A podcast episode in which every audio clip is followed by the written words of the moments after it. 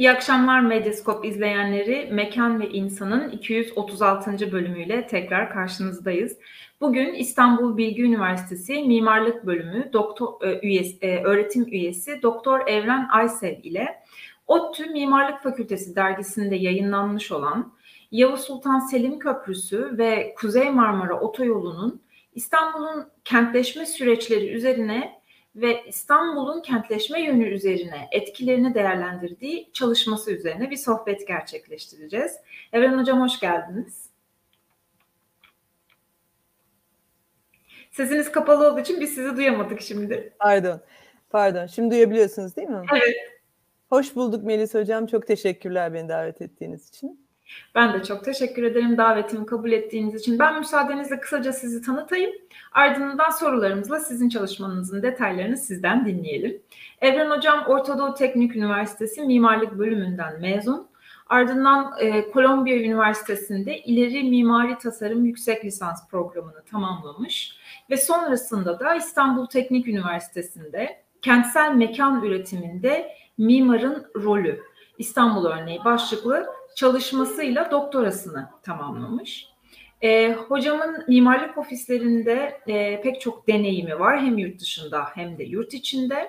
E, şimdi İstanbul Bilgi Üniversitesi'nde mimarlık bölümünde tasarım araştırmaları, metodoloji, mimari tasarım, mimari temsil konularında hem lisans hem de yüksek lisans dersleri vermeye devam ediyor ve mimari proje stüdyolarında yürütücülük yapıyor.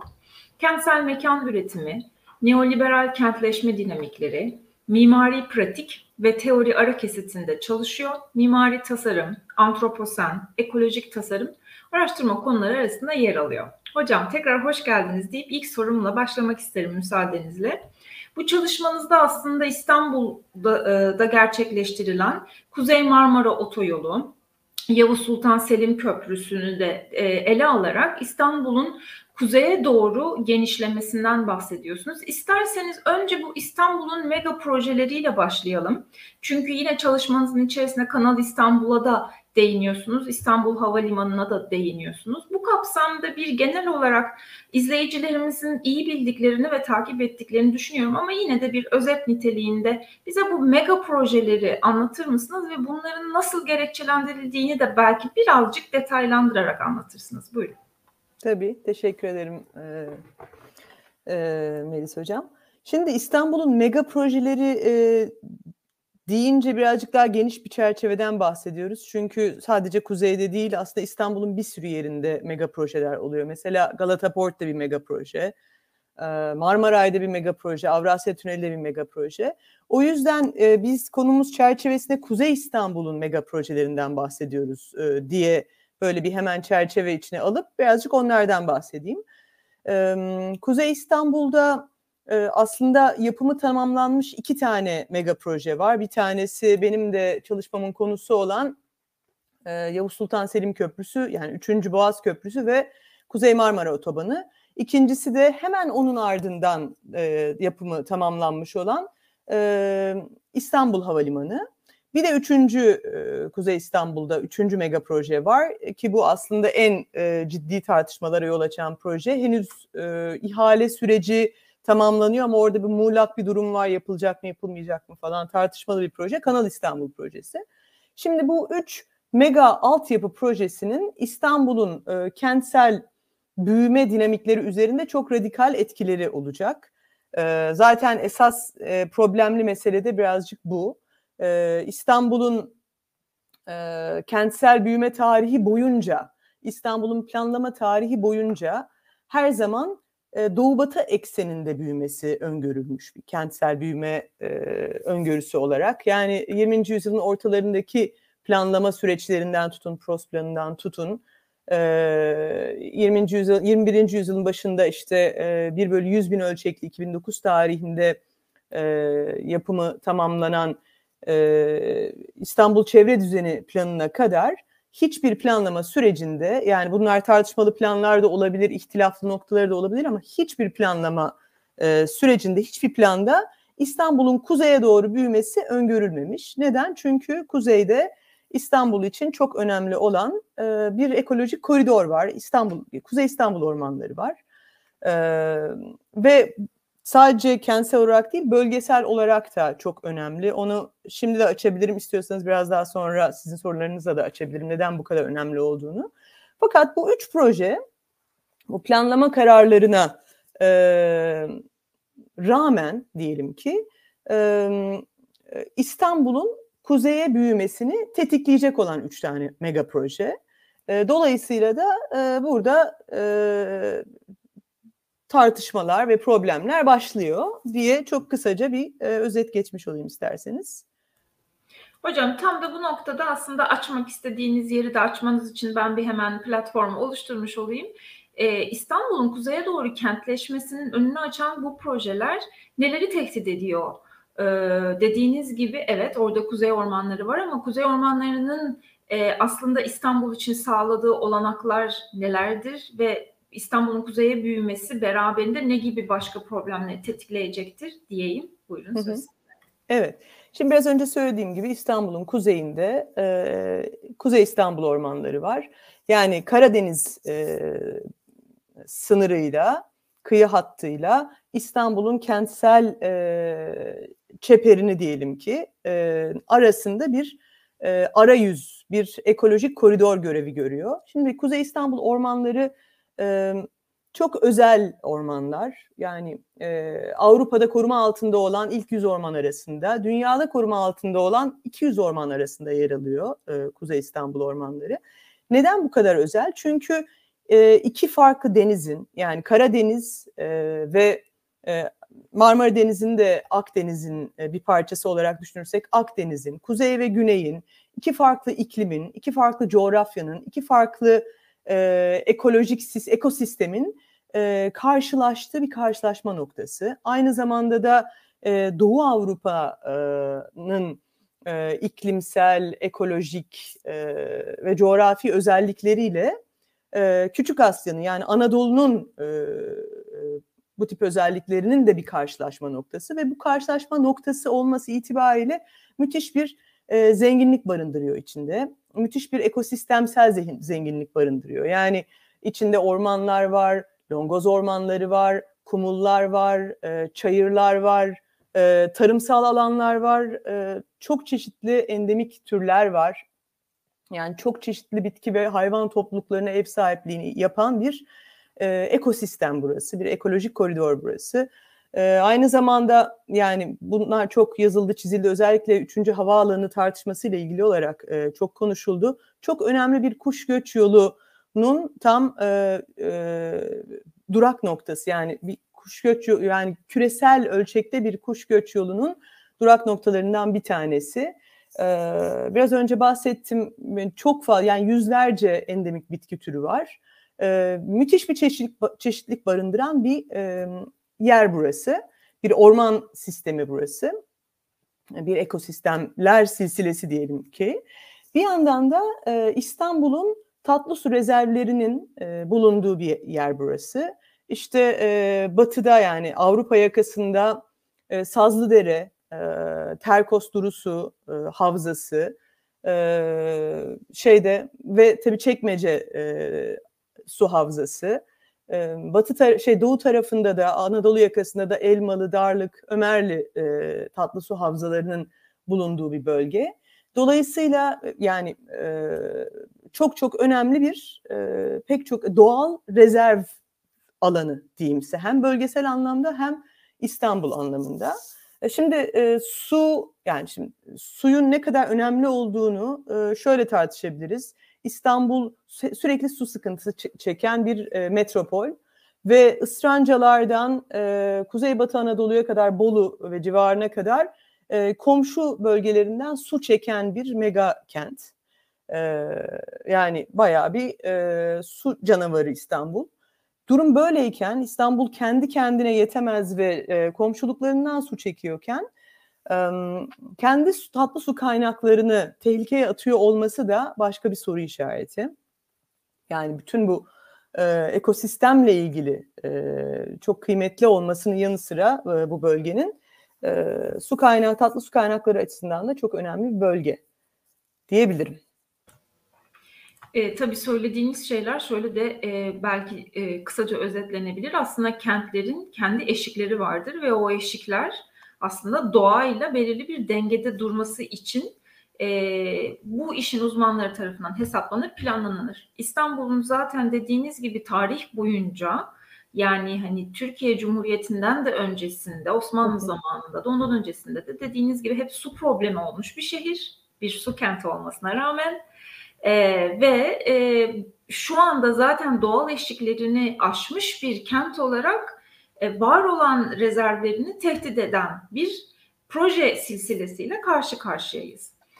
Esasen bu konu e, mekan ve insanda da farklı farklı haftalarda pek çok konuğumla konuştuğum e, bir konuydu. Hatta Kuzey Ormanları savunmasını da burada ağırladık.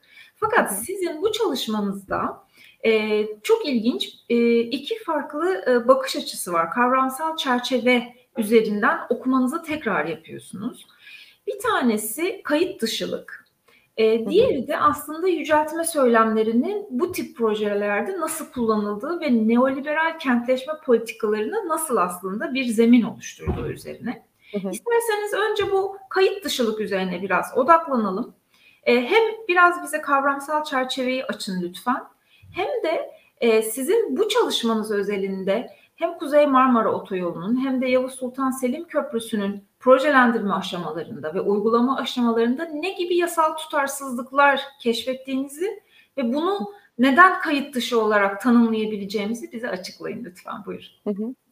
Teşekkürler. Ee, evet, şimdi e, yani mega projelerden bahsederken ya da 21. yüzyıl e, e, kentleşme dinamiklerinden bahsederken sadece İstanbul'dan bahsetmiyoruz. Tabii bir yandan e, 2000'lerden itibaren giderek yoğunlaşan bir şekilde mega projeler ve bu e, büyük ser, büyük küresel sermaye, merkezi yönetimler ve kentsel yönetimlerden oluşan bir yani bu üçlü sac ayağının e, bu koalisyonun kent mekanını çok hızlı bir şekilde dönüştürmesi ve bunun mekanizmalarını kurması yani neoliberal e, e, kentleşme süreçleri dahilinde dünyanın her tarafında gördüğümüz bir yer bir şey yani. Hani bunu önce bir söylemek lazım. Yani İstanbul bir istisna değil. Ee, hani bu noktada çok e, tipik bir örnek aslına bakarsanız. E, yani sadece e, sanayileşmiş e, ülkelerin kentleri değil aynı zamanda ve daha da yoğun bir şekilde e, gelişmekte olan ya da gelişmemiş e, e, yani az geçmiş ülkelerin büyük devasa metropolleri de aynı şekilde e, benzer süreçlerle kentleşiyor şu anda. Yani mega projelerin tetiklediği böyle bir e, parçalı bir kentleşme süreçleri silsilesinden bahsetmek mümkün.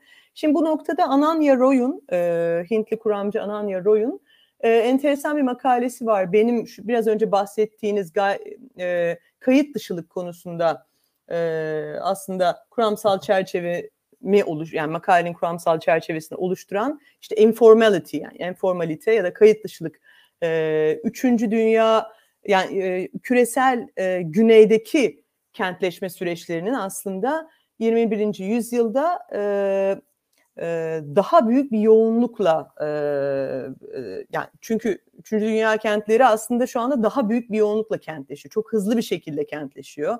E, daha önce hani kapitalist sisteme dahil olmamış e, ülkelerin kentleri de e, çok büyük bir hızla kentli, e, kentleşme süreçlerine dahil oluyor. İşte Çin, Hindistan, e, Afrika'daki büyük metropoller, e, Arap ülkelerindeki metropoller derken ve e, e, bir yeni bir kentleşme dinamikleri silsilesinin sahnesini oluşturuyor diyor Ananya Roy ve e, 20. yüzyılın ortalarında İstanbul üzerinden konuşalım kayıt dışılık dediğimizde, kayıt dışı kentleşme süreçleri dediğimizde aslında e, kent yönetimlerinin eksik kaldığı bazı noktalarda yani konut e, göçle gelen e, hızla artan nüfusun konut sorununu karşılamakta zorlanmasını takiben gece kondulaşma sürecinden bahsediliyordu. 20. yüzyılın ortalarından itibaren kayıt dışı kentleşmeden bahsederken. Şimdi ise 21. yüzyılda farklı bir kayıt dışılıktan bahsediyor Roy. E, diyor ki e, devlet e, eliyle tetiklenen bir e, kayıt dışılık söz konusu.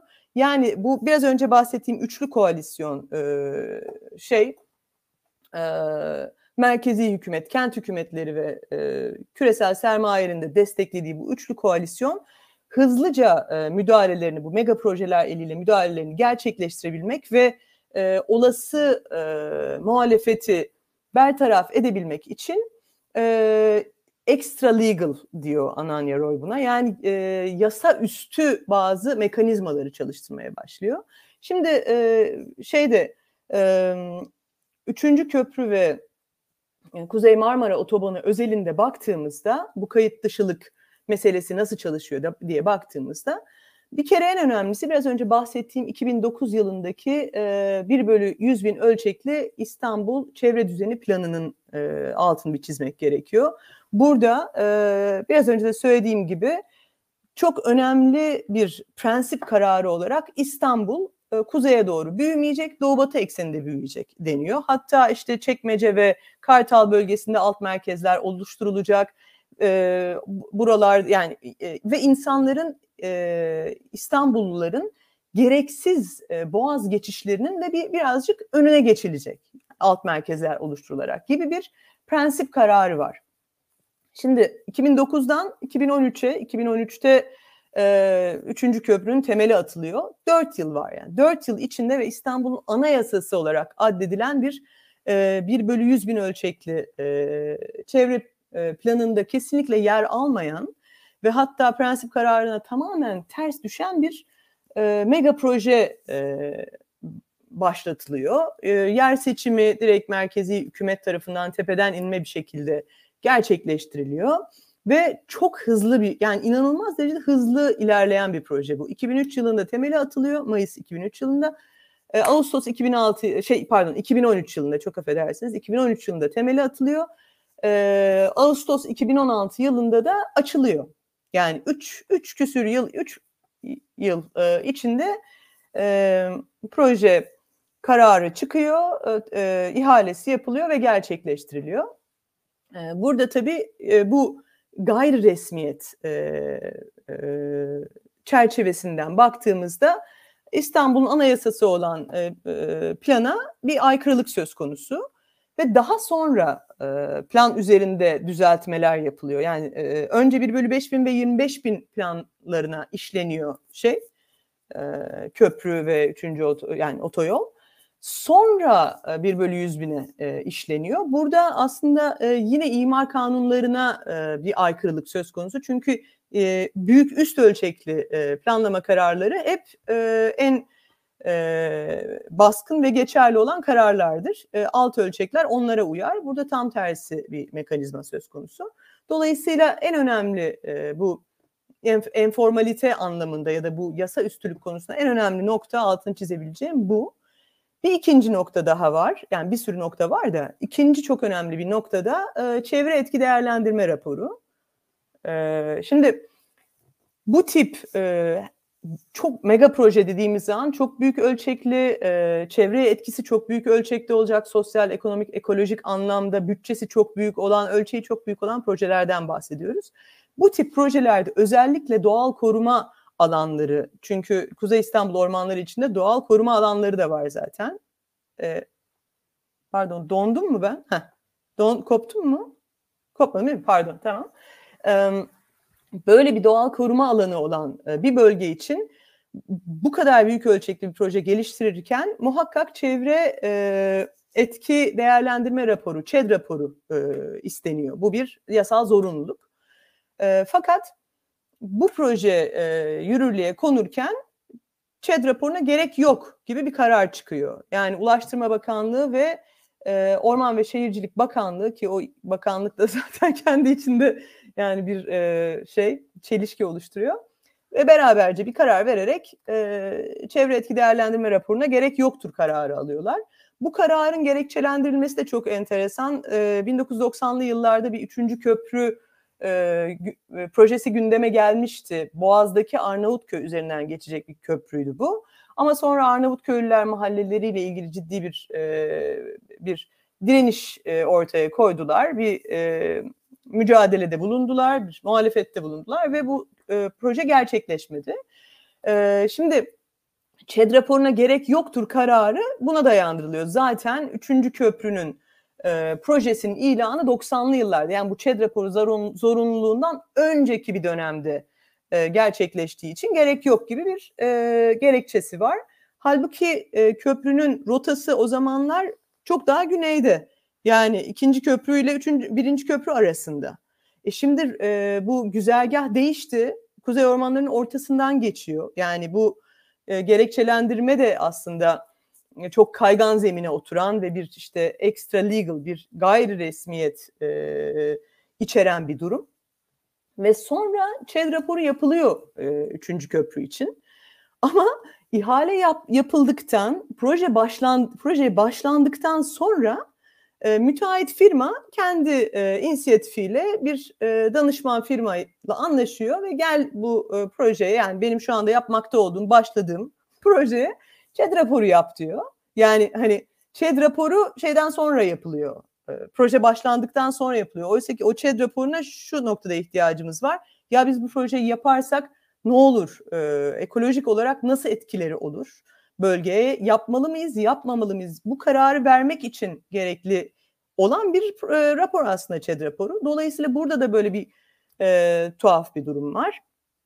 E, sonra İSKİ kanununa aykırı. İşte biraz önce bahsettik İstanbul'un tatlı su havzalarının e, bulunduğu bir noktadan geçiyor. E, ve İSKİ kanununa göre e, tatlı su havzalarına e, yakın e, bir yapılaşma mümkün değil, yapılamaz yani. Hiçbir şekilde yapılamaz. E, ama oradan otoban geçiyor yani çok havza havzanın e, hemen üstünden değil ama çok yakınından, komşuluğundan geçiliyor, geçiyor. Dolayısıyla burada da bir e, çelişki söz konusu.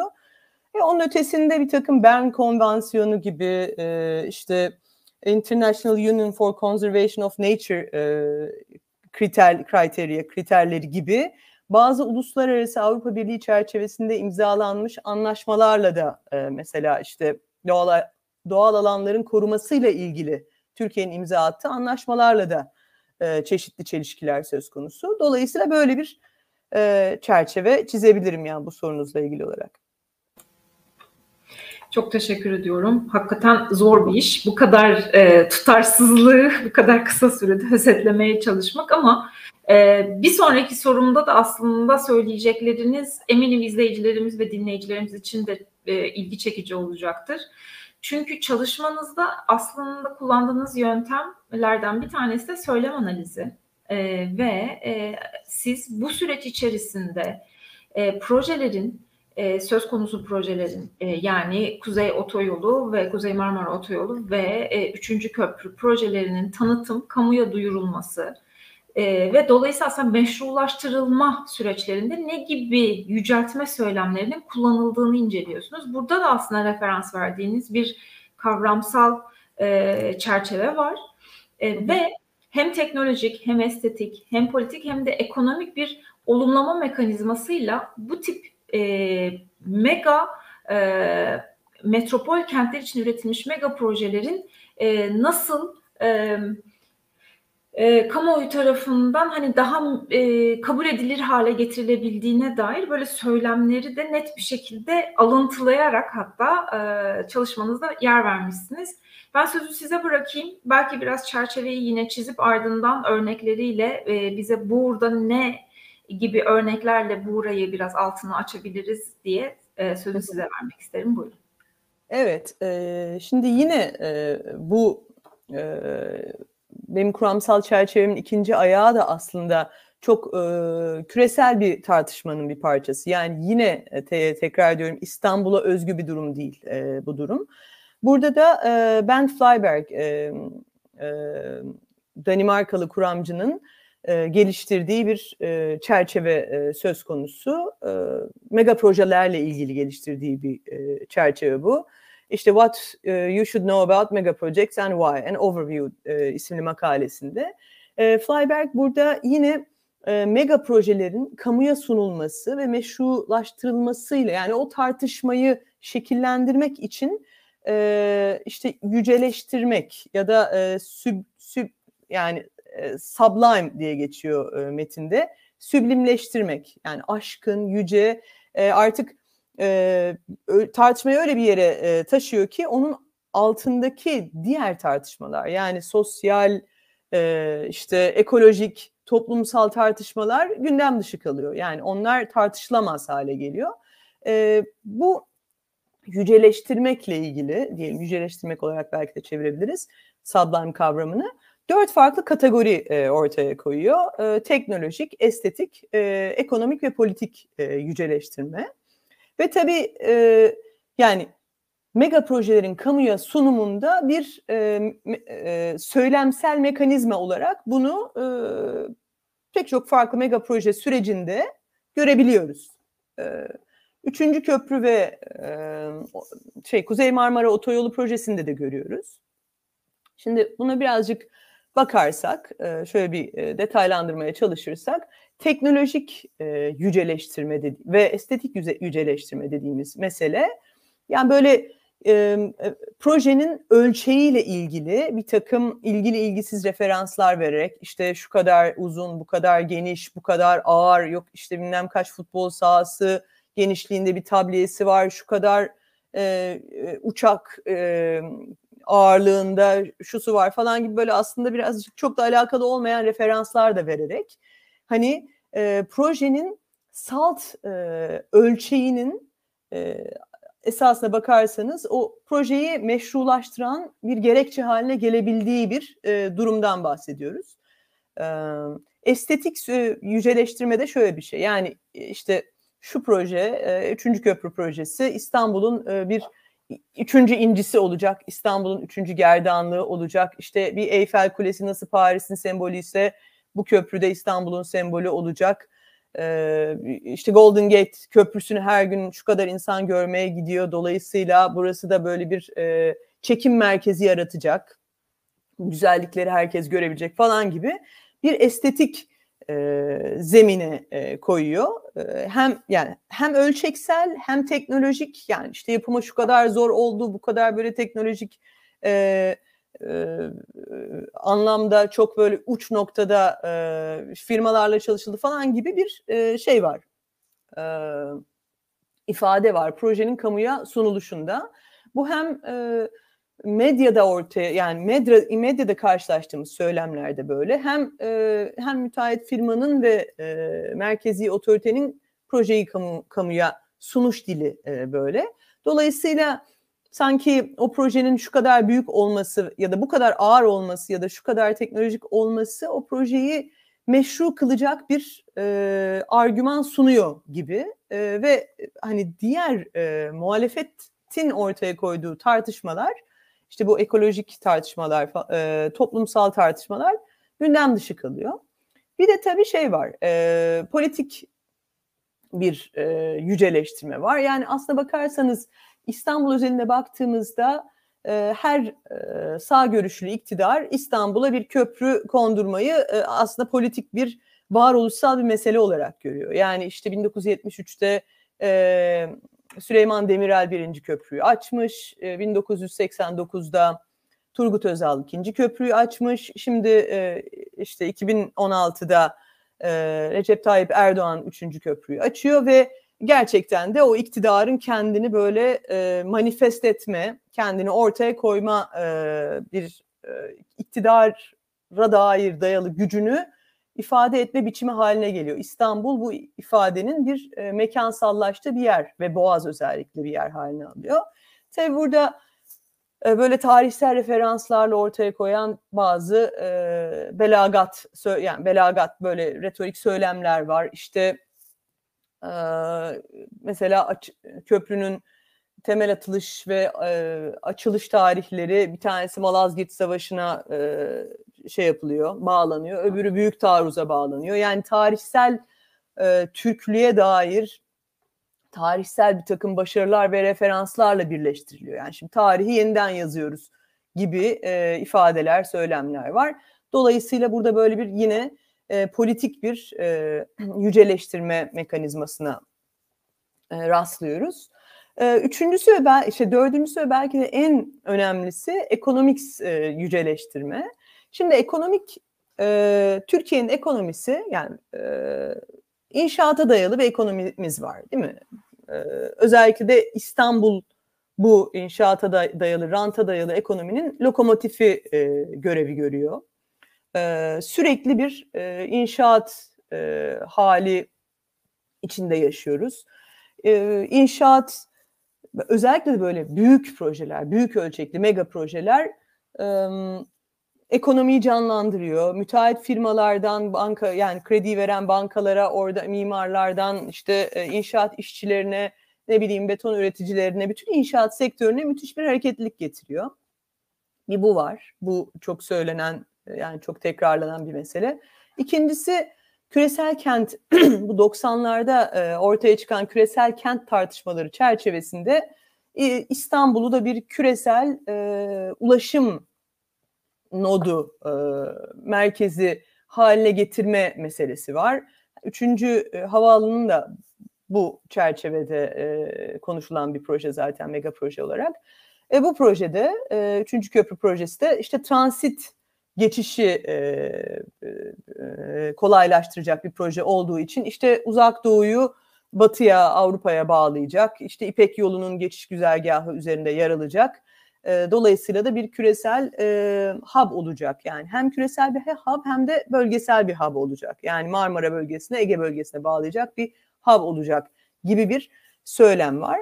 Fakat tabii bu bütün bu ekonomik e, tartışmanın temelinde şöyle bir şey yatıyor. Onu söylemem gerekiyor. Bütün e, köprüler İstanbul'un kentleşme süreçlerine baktığımızda bütün köprüler e, kentsel büyümeyi biraz daha kuzeye atmış. E, yani birinci köprü e, açılmış 70'lerde e, İstanbul'un nüfusu hemen ikiye katlanmış.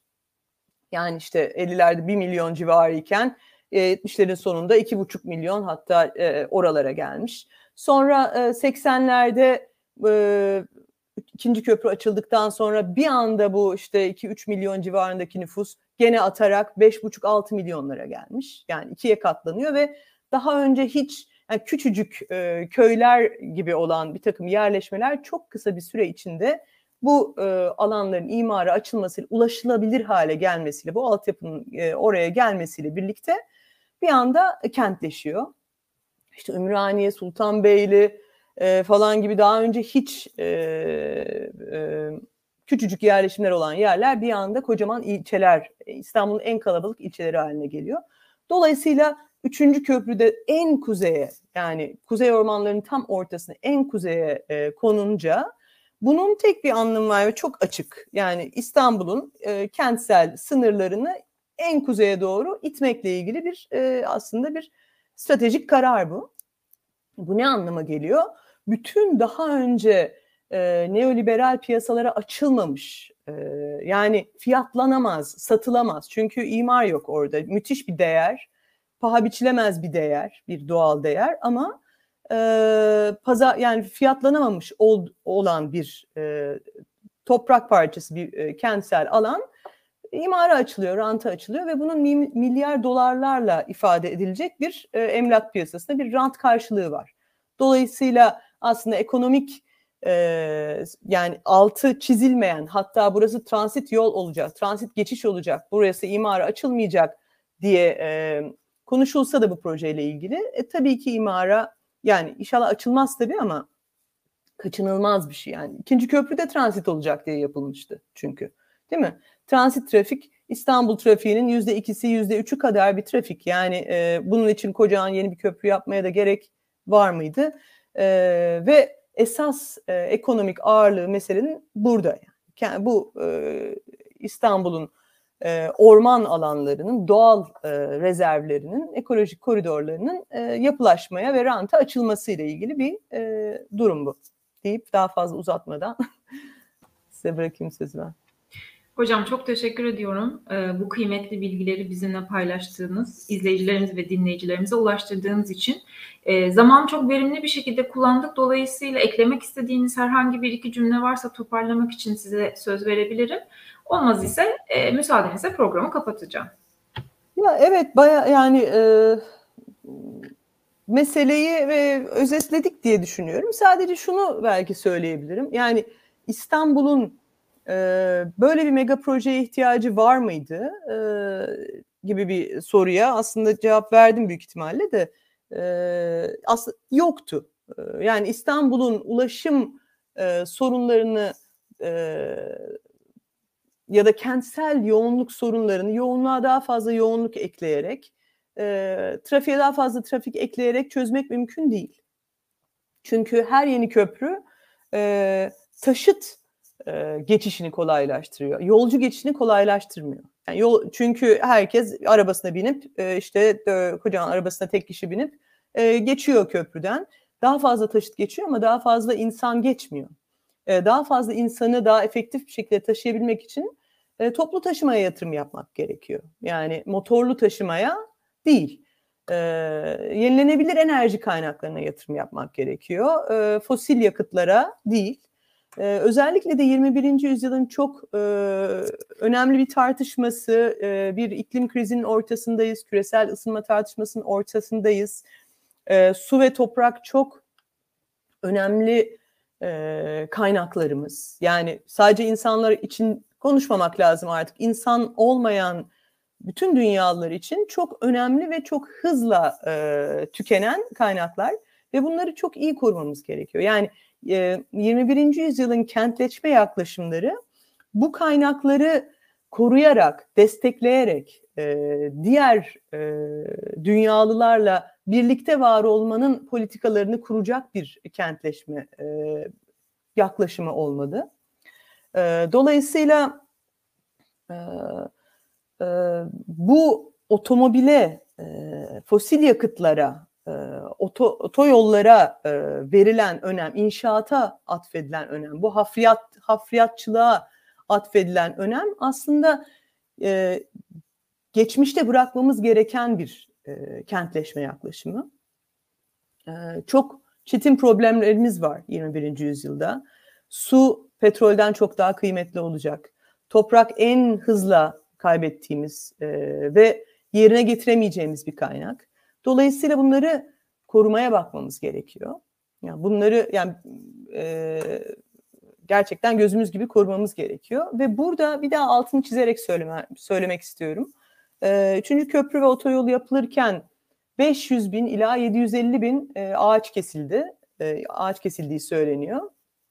Yani bunları ya yerine işte 1 milyon, 1,5 milyon tane diktik e, diyerek e, kompanse edemeyiz. Neden? Çünkü orman böyle tekil ağaçlardan oluşan bir sistem değil. Orman çok fazla katman barındıran, çok fazla canlı çeşitliliğini ve inanılmaz bir ağ yapısını içinde barındıran çok kompleks bir ekosistem. dolayısıyla bunu bu şekilde nedenselleştirmek mümkün değil. E, ama esas problemli meselesi bir de altını çizmek istiyorum. Yani o, e, o e, inşaat sırasında kesilen ağaçlar da değil.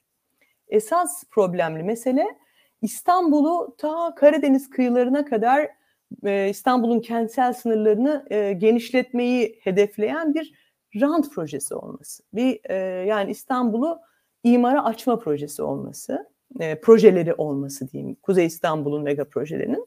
Dolayısıyla esas problem burada deyip herhalde bağlayabilirim. Evet. Çok teşekkür ediyorum. Çok sağ olun. Bugün Evren Hocam'la birlikte konuştuğumuz bu e, konularla ilgili yaptığı çalışmayı e, daha detaylı bir şekilde okumak, e, incelemek isterseniz ODTÜ e, Mimarlık Fakültesi dergisinin sayısında e, çevrim içi olarak ve ücretsiz olarak erişmeniz mümkün. Hocama tekrar teşekkür ediyorum ve müsaadenizle programı kapatıyorum. Gelecek hafta pazartesi Mekan ve İnsan'ın 237. Duygu Toprak ile gerçekleştirdiğimiz Ortaklaşa Mekan serisinin 23. bölümünde yine birlikte olacağız. Daha fazla mekan ve insan tartışması ve sohbeti için Mekan ve İnsan'ın Instagram ve Facebook hesaplarını takip etmeyi, YouTube ve Spotify kanallarına abone olmayı ihmal etmeyin. Akşamlar.